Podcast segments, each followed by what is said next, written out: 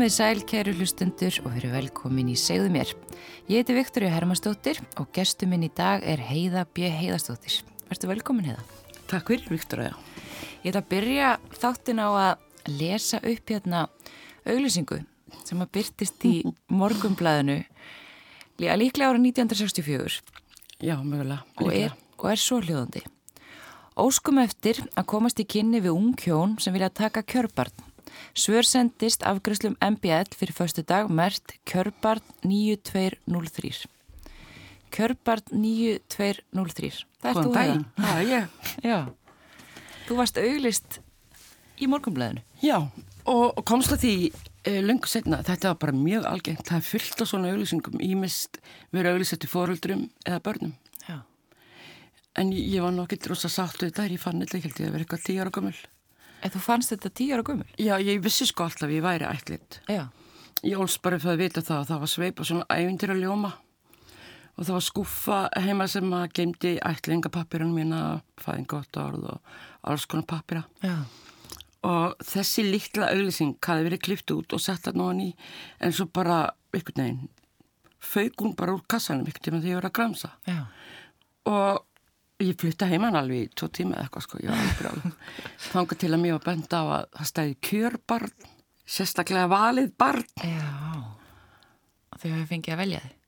Já, ég, þannig sá ég það alltaf fyrir mig sko, það var náttúrulega ekki alveg þannig. En... Nei, þannig að þarna hófst, eða svona nokkurnu veginn, þarna hófst svona þitt líf. Já, alltaf hann búið að ákvæða svolítið framtíðina mína, hanna, með þessar auðlýsingu. Og veistu hvernig þetta kom til? Uh, að hún auðlýsti. Já sko hún hafði uh, gefið frá sér barn áður bara 13 mánuðum áður. Já. Og þannig er að tala um sagt, blóðmóðina Já. Já, mögulega einhver sagði mér einhvern tíman frá því að, að hjónin sem ætlaði það barn, barn hefði verið vina fólk einhver sem hún vann með. En það þurfti náttúrulega lögfræðing til þess að framkama svona og allan hafi ekki bara leita til hans og byggðum ráð. Ég bara svona ímynda mér, ég hef aldrei aldrei vita hvernig þetta kom til sérstaklega sko. En þetta var mjög algengt, það var bara, þú veist, fólk auðlisti svona, það var ekkit batteri hérna heima sem að hjæltutunum ætlingar, ekkit ofinbört batteri sem að sáum svona. Þau sem að svöruðu auðlisingunni, mm -hmm. það eru þau fóröldra þínir? Já. Og hvaða fólk var það? Herri, það var Guðfinna, Kalli Gógó og Heiðar Georgsson. Ég segi oft sko, ég hef ekki geta fengið betri fóröldra þó ég hef fengið að velja það sjálf Ég elst upp sem engaball og ekkert neginn sko allt sem að mig vantaði, allt sem ég held mig vantaði, uh, allt sem ég hengtaði mig vantaði var, þú veist, ég fekk það í einhverju mynd og mjög bara kent að ég væri svolítið nefnilega hálfum sín sko. Já. Á þess að vera eitthvað skella hörðum kannski, já. En þetta voru ballur sjón sem að fengu þið til sín? Já. já. Og veistu eitthvað ástæðana fyrir því að hérna, móðin ákveður að gefa þið? Sko, nei, ég veit hann ekki, en þú veist, ég get svo sem alveg ímynda mér alls konar og þetta er sko á þeim tímum það sem að þú kannst ekkert farið bara á landsbytarinn í fóstureyðingu. Hún átti fyrir tvei börn, uh, sem sagt, sýstir sem að er fæll 50 og eitthvað, 7-8 hefur maður ekki, sem er eldst upp hjá móðsistur sinni. Og svo eignast hún strákan 13 mánuðum ánum ég fæðist gefur hann til ætliðingar svo er hún ofið mér. Þannig að ég held bara að hún hafi verið einstaklega óhappin og kannski svolítið tínt en ég, þú veist, maður getur ekki annað að bóri virðingu fyrir því að, að hérna það er ekki eins og hún skilið mig eftir eitthvað staðar, þú veist, í strætá eða eitthvað, hún hafði fyrir því að finna fórildra, hún fekk fullt af einhverjum brefum sem að hún vantilega lasi gegn og þannig að þú veist, hún var að bera hag minn fyrir brjósti Valdi þessi hjón? Já. Já Og þetta var alltaf upp á borðum að, að, að þú var rættilegt? Já, bara... ég er bara ólstuð fyrir að vita það Já byrjaði bara með eitthvað svona ævintýra sögum um fólk sem gæti ekki átt barn og svo fólk sem gæti átt barn en gæti ekki haft barn og, yeah. og smátt og smátt var það bara að sögu um mig þannig að ég, ég sá alltaf fyrir mér risastórt herbyggi fullt af börnum og mamma pappi löpuðinn og skoði öll börnin og völdu mig Og pældur þú mikið í því þegar þú varst bara verið raunverulegur eða svona blóðfóröldarðinu væru? Um, já, sko, á fæðingavottorinu mínu stendur að eftirnafn föðu mín sé Monroe. Þannig þegar ég var lítil, þá var ég alveg vissum að Marlene Monroe væri frængu mín. Já. Að öðru leiti pældi ég ekkert í hverjir væri skildir mér sem að voru ekki heima hjá mér. Nei. En ég pældi alveg í því að ég var öðruvísi. Hvernig þá? Uh, ég var mjög, mjög dökka húð og næst í svart ár og dökka eð. Og það byggu eiginlega engir útlendingar á Íslanda á þessum tíma nema kannski bara hermennir á öllinu sko. Já. Þannig að ég, ég vissi að ég var öðruvísi að því mér var oft bent á það. Ekki þar sem ég ólst upp í Keflavík að því að þar var ég bara eina, þú veist. En svona þegar maður fór í búð eða, þú veist, í Reykjavík var alltaf eitthvað, þú veist. Já, það var alltaf eitthvað svona aðtöðasemdir og ég, mér, mér fannst það ekkert leðilegt, sko. Ég var svo mikill nafla alumsins að mér fannst alveg fullkomlega leðilegt að fólk veldi fyrir sig, þú veist. Já, en, en það er ekki fyrir að vera svolítið eldri sem að þetta típiska íslenska byrjar, hvaðan ertu? Herri, þú ekki íslensk, hvaðan ertu? Já. Og mér fannst það pínu erfitt, sko. Þú er alltaf einhvern veginn að vera réttlæta útliti mitt og vest af öllu að geta ekki svarað því, að því ég vissi það ekki. Það var svona keppni, þú veist, að giska, byrju, getur verið þarna, veist. Já. en þú veist, kannski ofta einhvern veginn svolítið svona að hugsa þetta hvaðan þú getur verið hvort að dökka húðingu væri frá Ítalíu, Ameríku, Sörum slóðum, sko, Spáni. Fyrsta skipti sem að orðið uppbrunni kom upp í haugun á mér var þegar ég átti ömmu sem var mjög mjög rasisti, kalla hann ömmu helviti. Uh, hún gaf öllum börnunum úr í jólagjöf einu jólinn, nema mér og ég skilaði jólagjöfinni og hún var rosa, uh, hún var alveg ófeimin við að segja það að henni sárnaði að sonur hennar skildi ætlaði ball sem var ekki íslenskt. Við gerðum þetta upp, ég og amma mín. Hún var fætt 1900, Já. þú veist. Hún er svona fórnalamb hugsana þess tíma, sko. Hvernig gerðu þetta upp? Sko, ég skilaði alltaf jólagjöfunum eftir þetta, þú veist. Það var alltaf jólabóða á annan jóluminn mig Já. og ég lappaði alltaf upp í herbyggi til hennar með jólagjöfuna og skilaði henni. Þú veist, takk fyrir gefuna mín en ég vil hann ekki. Já. Og smátt og smátt fór ég eða smá tíma, hún, þú veist, uppi þegar ég skilaði Já. og fórum að spjalla og Og hafði hún fram að því ekkert viljað með þið hafa eða hvað? hún var allavega ekki svona amma mín. Öll, öll hinn barnabönni kallaði hana ömmu dæi, ég kallaði hana bara ömmu helviti. Sko. Um helviti. Já. Já. Já. Já, svo bara varð ég eldri, hún varð eldri og mýgri. Ég fatt að hún hafði lúms gaman að ég skildi arku upp með, þú veist, þó hún þátti kannski ekki gaman ég var að skila en bara, þú veist, hvað ég var eitthvað föst í því að hafa þetta svona. Og á þenni vissi af þá voru við bara farið til að spjalla saman, sko. Já. Og þannig ertu, ég bara bann í, í Keflavík og, og, og vissur hver mamma þín var þess, þessi blómaður? Hafður eitthvað hugmyndið það? Nei, eplið fellur ekki langt frá eiginni. Menn að sé ég, sko, verð ólétt rétt að nýður 16 ára. Já.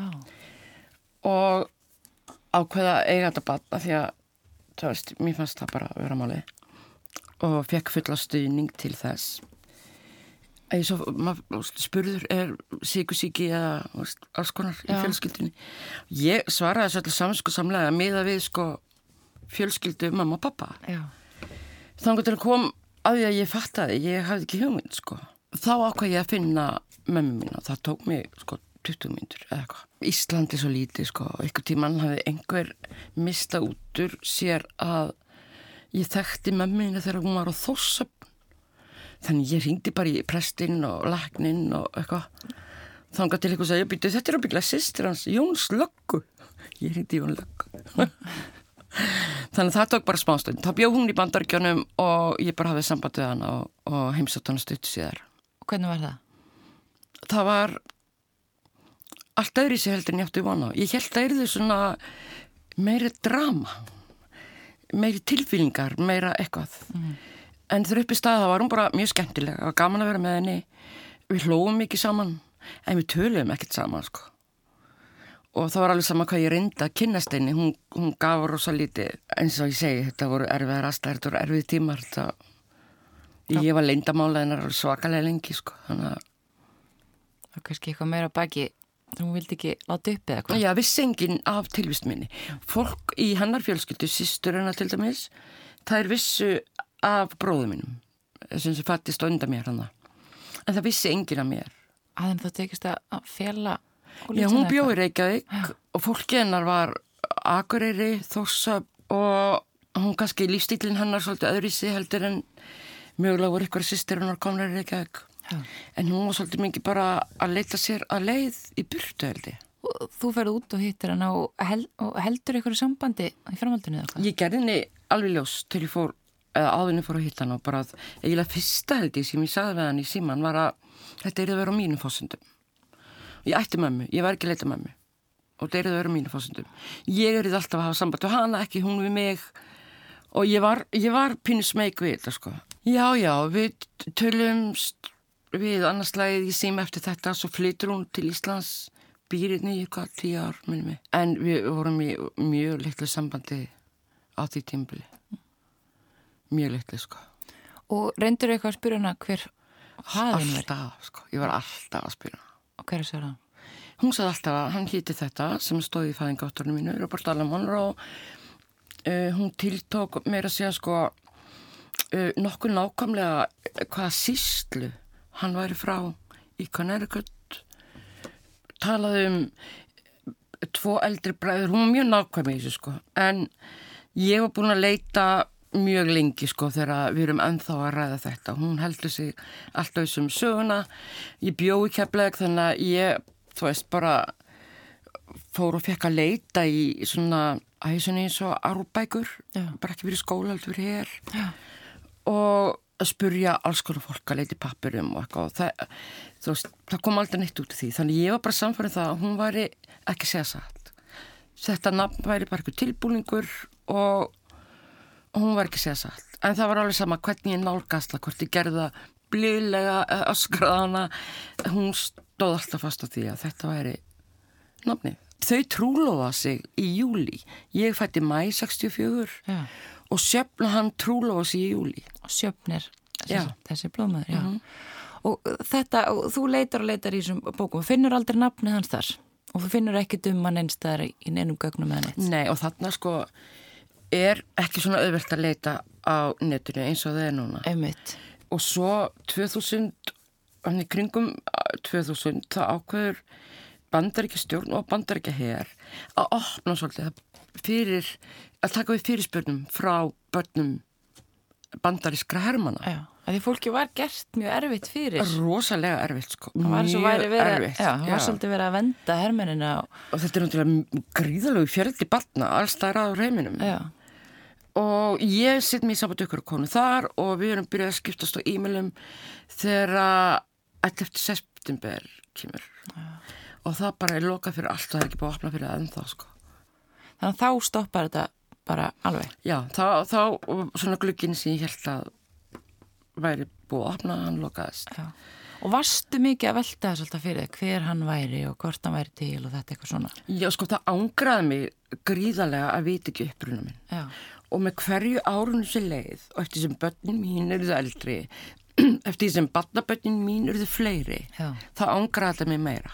Og ég- man mér þótt alltaf að erfitt að útskýrta fyrir fólki og einhver kona sem að ég þekkti sárlítið vildi fyrir henni og ég sast ekki geta það. Og hún sagði ég ímynda mér að þetta sé eins og að skoða myndaalbum með ömmu minn og afa og mamma og pappa.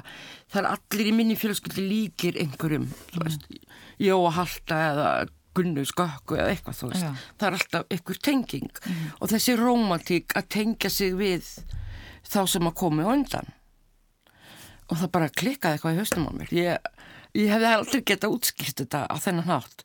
Einfallega því ég þekkti ekki veist, ég vissi ekki ég vissi ekki þetta. Nei.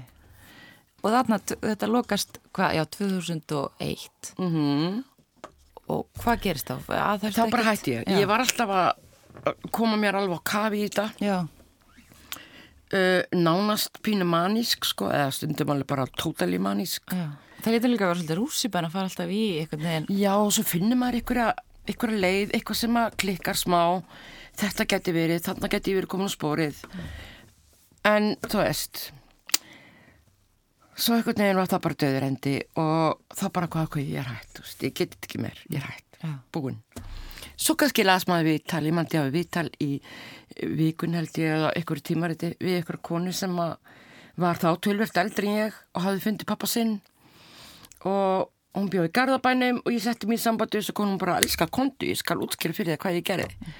Og var ég henni heilan dag, hún fór í gegnum þetta allt saman með mér og það var eitthvað að skrifa bref til einhverju stopnunar og uh, ef að viðkomandi blóðfadir eða móður fannst þá er það haft samband við þann aðila og ef að hann kerði sum þá er þið brefinu svarað. Já. ef ekki þá bara fekk maður ekki að vita neitt. og ég vissi bara þetta, neð, ég, þetta get ég ekki gert. Þú veist, ég get alveg bara sendi jólasveininum á Norðupólunum eitthvað svona bref þetta, ég get ekki bara setja og beða eftir einhverjum dætti huga svara. Nei. en þú veist, ég, ég reyndi alls konar. Ég reyndi reyndan Fríðan Eidal sem var hann að þá upplýsingafulltrúi varnalýsins uh, alls konar ráðherra. Uh, já. Ég var alltaf að reyna að finna einhverja leið sko þetta var náttúrulega svolítið erfitt og ekki ja, heimirum var ekki að blítið loðinni núna og og ég eitt allir þessum tíma í að leita manni sem var þó allavega til Já. ég veit það núna Já. en uh, þegar ég fann svo blóðföðu minn alvöru uh, þá vissi ég ekki að þessi maður var í alvöru til þannig að ég ég bara var í sturglaðri reyði í eitthvað tíma sko yfir því að hún skildi hafa látað mig leita að manni sem var ekki til í 37 ár Já. hún hafði nýlega dáið sko hann ég gæti ekki eins og ringdi hana Nei. að skráða hana En byrju, hvernig, hvernig, svo þú leitar þarna og þú ert alltaf með þetta svona bakvið eira, þú ert svona opinn fyrir leiðum og eitthvað, en svona kannski ekki alveg aktíft að leita alltaf. Nei, nei, auðvitað, það, það er bara gert mig brjálaða, sko, Já. Tapa glórinni. En þú kannar alveg að teka svona tímabilar sem þú, þú Já, skoðar ég tók til dæmis eitt tímabil þegar þú varst með hann Já. þættir hann Já. þá tók ég eitt tímabil. Þú veist, það þurfti svo lítið til að kveikja á þessu, sko. Já, E, þessa milli var ég kannski ekkert alltaf með þetta í hausnum, sko, nei. en, en samt, þú veist, Og þú leitar alltaf svona inn á milli, Já. en það skilar og þér svo engin bakkaði ég niðurstöðu. út til ég fann ég var orðin einvamannis Já. og það bara ok, það gengur ekki ég verða að gefa börnum mín að borða eða eitthvað. En hérna já, svo eh, talaði ég við Kára Stefánsson uh, fyrir svolítið mörgum árum. Hann er bara dýna ég get allan að sagt þér hvaðan í, heimin, í heiminum þú ert upprunni nokkuð nákvæmlega. Já, og ég var eitthvað neginn alltaf að leiðin að gera þetta en ég veit ekki, það bara varði ekki að því. Mér bara liti ekki verða að því. Þángar til að uh, um jólin þar síðustu uh, þá gefur dóttir mín mér svona DNA-test My Heritage sem var þá nýbyrjað að selja á Íslandi í jólagjöf. Þetta er bara svona próf sem maður getur tekið sjálfur. Já, já, bara rækir eitthvað boks og sendir að þú veist og býður. Mjög einfalt sko. Já, og ég gerði þetta já. Og þú sendir þetta ykkur, ertu það ekki? Jú, Já. sendir þú svo að býði í ykkur að 6-8 vikur. Já. Ég var mjög spennt, sko. Já, En það kom ekkert rosalega mikið út úr þessu My Heritage. Ég kem setna á því að bandaríkjaman eru meira að nota annað. My Heritage er meira Evropabúar, en ég kem samt að því þarna að ég er tölvöld mikið í tölsk og ég á frængu, freka fjarskilda frængu sem er nýræð sem á tvær dætur sem eru þarna á My Heritage. Já, og ég set mér í samband við aðra dótturina og, og hún reyndi að tala með mér sína og það koma alls konar efna pælingar upp. Myndir á alls konar fólki og mikla pælingar. E, tímabili fannst mér allir sem ég sá mynda bara vera frekka líkir mér sko. Eða einhverjum sem ég þekkti já, Já, þessi, þessi frænka mín sem ég kom í sambandi við, hún var sko frænka mín eh, þremur að fjórum ætluðum frá, þetta, þetta var svolítið langsótt sko. Þannig að ég pínu bara, ok, þetta er bara vekkur, kemst ekki lengra með þetta. Svo ég hlusta á eitthvað svona ameríst morðkast, podcast. Ég átti eitt þátt eftir og klukkar var mjög margt og ég svo bara, ok, ég klára bara þannig þátt og svo verð ég að fara að drýma í rúmi. Nefna hvað, í þessum þætti kemur fram að það er eitthvað kona sem heitir Barbara sem að vinnur hjá svona ættfræði gúrskurum uh, svona, að vinna gegnum DNA uh, og hún hafði sem sagt fundið Golden State morðingjan í gegnum svona DNA leit og í gegnum fjölskyldutengslinas Vá. á Ancestry. Uh, sem sagt fann eitthvað DNA sem var svo líkt hans þá var það eitthvað frandi og svo smátt og smátt og það var þau tóku svona tvær myndir í það í þessu podcasti að tala um hvað þetta væri frábært. Þetta væri svona non-profit samtök sem að sér hafði sig í því að finna blóðfóraldra og veist, týnda ættingja fólks. Og það er þetta ancestry, Nei, það er, þetta er svona non-profit sem heitir bara eh, DNA Adoption, eitthvað Association, ég skal sína að senda þér eftir. E, þetta er bara skrítin svona gmail, þetta er bara eins og yrkið í gamla daga, sko, bara dælist hann inn. Og um, ég bara sendi inn fyrir spurt, segi bara ást, ég er þetta gömul á Íslandi, búin að leita, búin að taka heritage og lítið sér komið út úr því. Þá kemur einn og spyr og hvaðan eru þessir sem að tengjast þér? Þaðan og ég segi kannærgöld, já ég sér hafið mig kannærgöld ég tekki mjög vel til þar, ég skal hjálpa þér. Vá. og og hún bara fer einhvern veginn á fullt að vinna og segir mér bara eitthvað einu með tveimdugum setna ég sé á villigutu með þessa nýju frængu mína hann í gegnum My Heritage.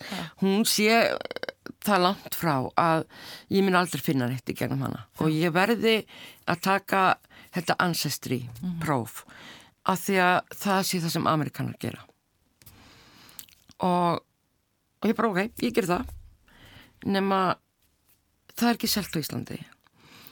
Og þó ég láti kaupa það fyrir mig eitthvað starra lendis uh, þá get ég ekki senda frá mér. Það verður að vera sendt úr sama landi og það var keift Mm. þannig að Joanne, þessi nýja frænka mín hún kaupir fyrir mig DNA-test sendir þetta til Íslands.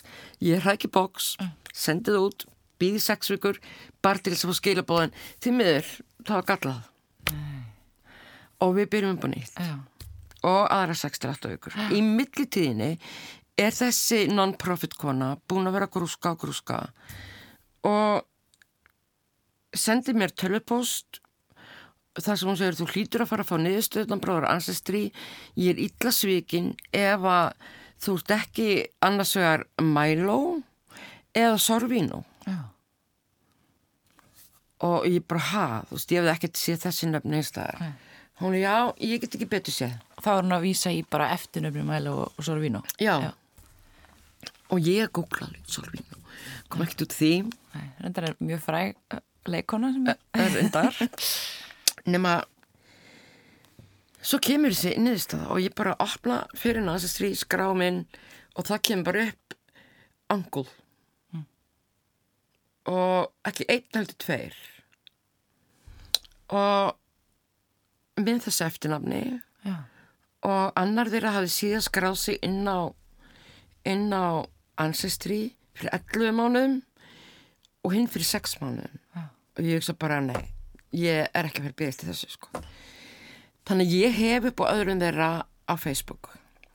Eða sem sagt ég hef upp á nokkrum sem heita svipað og sama og eitthvað.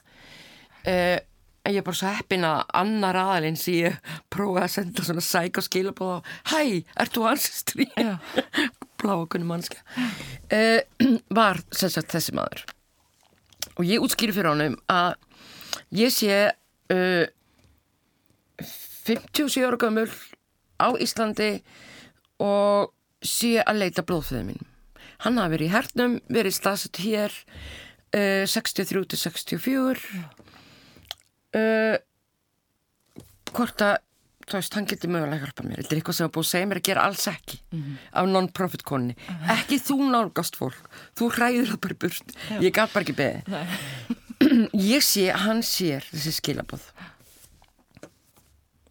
en sagði ekkert tilbaka. Svaraði ekki. Þannig ég hugsa bara, ok, ég verð að gefa hann bara smá breyk, þú veist. En ákast að senda hann bara aðeins svona til örgis undirstryka að ég sé ekki bara eitthvað psycho, þú veist. Ég er ekki geðveik, ég er ekki eitthvað svona Nigerian skam, ég, ég lofa því, ég er til og þetta er alveg. Og hann sér það og það kemur ekkert. þannig að ég ákveða að gefa honum eitt sólring. Uh, sem endi svo bara með að vera 8 klukktímar eða eitthvað. Það sem ég spyr hann eitthvað þú veist bara þú veist, viltu segja eitthvað? Please. Og hann sendi bara þaumal svo kemur svar frá honum. Einhvern veginn hann sendi nótt ég haf með all tæki stilt að hafa staðina notifications uh, það sem hann segir sendu tölvupost á þetta nettók og sem ég geri uh, ákvað að gera það þarna um nóttina til þess að út á tímamismunni þannig að eigandi nettvangsins myndi sjá það þannig að vaknaða morgun ég myndi til að ræsa all út dóttu mína og, og alltaf, þú veist. Svaf ekki dúr og uh, svo, þú veist, er ég að ringi dóttu mína bara, það er ekkert komin eitt meil og ég verð gæðið að byggja, hún er komdu hinga og bytti hér. Bara í alveg tala. Við veitum að tala gengið um gólf saman. Og ég ger það nema á leiðinni kemur ding í síma minn. Og ég sé að þetta nettvang er búið að senda mér tölbúst. Og ég ringi aftur í dóttur minn bara, hann búið að svara. Hún er ekki opna þetta í bílnum að keira þú veist bara, keirðu hinga Já. og opna þetta hér. Bara, já, já. ég ger það og hleyp inn til hennar að því bara ég hreinlega þurfti að kasta upp, ég var svo stressuð sko. Eh, opna tölupústinn og þ- það er bara eitt af fallasta breyf sem ég var æfinni fengið eða lesið Og hvað stóð? eh, þar bara er hann að gangast við því að hafa verið á Íslandi á þessum tíma Þarna er fæðurinn komin eða? Já. Já. Um, hann muni vel eftir sjöfn, ég skrifaði nafni hennar og upplýsingar í tölupústi sem ég sendi Já. og þau hafa verið hittast í nokkra mánuði uh, og hann hann leti ekki til hugar að þræta við vísindi. Þannig að þú veist, svona er þetta bara. Og bara hann vonaði að ég mm, þú veist, heldi ekki að hann hefði vitað af mér. Hann sagði ef hann hefði vitað af mér þá þú veist, hann að kýsi ég að trúa því að ég hefði gert eitthvað í því sko. Um, já uh, sko það er einhvern veginn ég veit hvað upprunni skiptir miklu máli. Uh, og við sem eigum ekki eða áttum ekki uppruna við veitum það bara. Og ég held ég væri alveg með þetta hreinu. Uh, en ég hafði ekki hugmyndum hvað skiptir miklu máli fyrir en þú veist hann þú veist, að að vera tefla sextu og sjá sjálfa sig í öðru ljósi. Uh, er sko alveg ótrúlega mögnu tilfinning. Að bara, það er ótrúlega skrítið. Uh, allt svona samhengi uh, fullt af spurningum sem að eða, eða svona hluti sem hafa komið upp í gegnum lífi manns uh, þar sem að einhver setur spurningamerki hvort sem ég sjálf einhver annar. Það bara fellir allt saman bara eins og tetri sko. það, það er ótrúlega skrítið að upplifa það um, sko, málið er að hann er sko uh, verður áttræður á þess ári mm. uh, það er svo margt sem að hefði geta fyrir úrskeiðis Já. þú veist, í fyrsta lega hann geta bara verið dáin um, uh, hann hefði kannski ekki viljað að tala um mig Nei. uh, miljón hlutir. Kannski vildi hann líka að ég er því leyndamálið hans þá, þú veist, það eru miljón hlutir. Hann hefði þess vegna getað búið undir pappakassa á skittró eða eitthvað, þú veist miljón hlutir. Þarna kemst að því að þú átt föður á lífi, já, tvær systur. Tvær sýstur og þetta er maður sem að e- heitir eitthvað allt annað heldur en Robert Allan Já. Monroe. Hvað heitir þessi maður? hann er Antoni Sorvino. Þannig að fæðið þinn er- er bandarískur og heitir Antonio. já, hann er sko báðir fóruldrar hans voru ítalskir. Hann fættist bara stuttutar pappans kom til bandaríkjana og þannig að hann er alveg ítalskur þó hann sé bandarískur líka skiluru um, ég hafði verið í Napoli fyrir þreymur án síðan og allir vili mínir og fólk við fjölskyldun mín að tala um hvað ég á tjúluð þegar ég kom frá Napoli. Þú veist ég hef búin að ferðast um alla Ítalíu og mjög stund Ítalíu aðeinsleg en ég bara tapa mér í Napoli. Já. bara lætin og graffiti og fjörið og háaðinn og ég elskaði Napoli sko. Uh, en þaðan er ég sem sagt ættið báðir báði amma mín og afi minn voru fætt í Napoli. Og og afi minn flúði það uh, að því að þú þurftir að vera skráður í, í fasista flokk Mussolinis til að fá vinnu. Já. og hann gæti ekki hugsað sér að skrá sig í fasista flokk. Þannig að hann flúði frá Napoli til Fraklands og fór svo leimi farþegi frá Fraklandi til Ítali þú veist ég var alltaf inn ykkur nei til bandaríkjana ykkur svona þú veist, nú get ég setið með opið minnin og hlustaði aðtekli á okkur svona sögur af, Að farferðin þínum. að já, Já.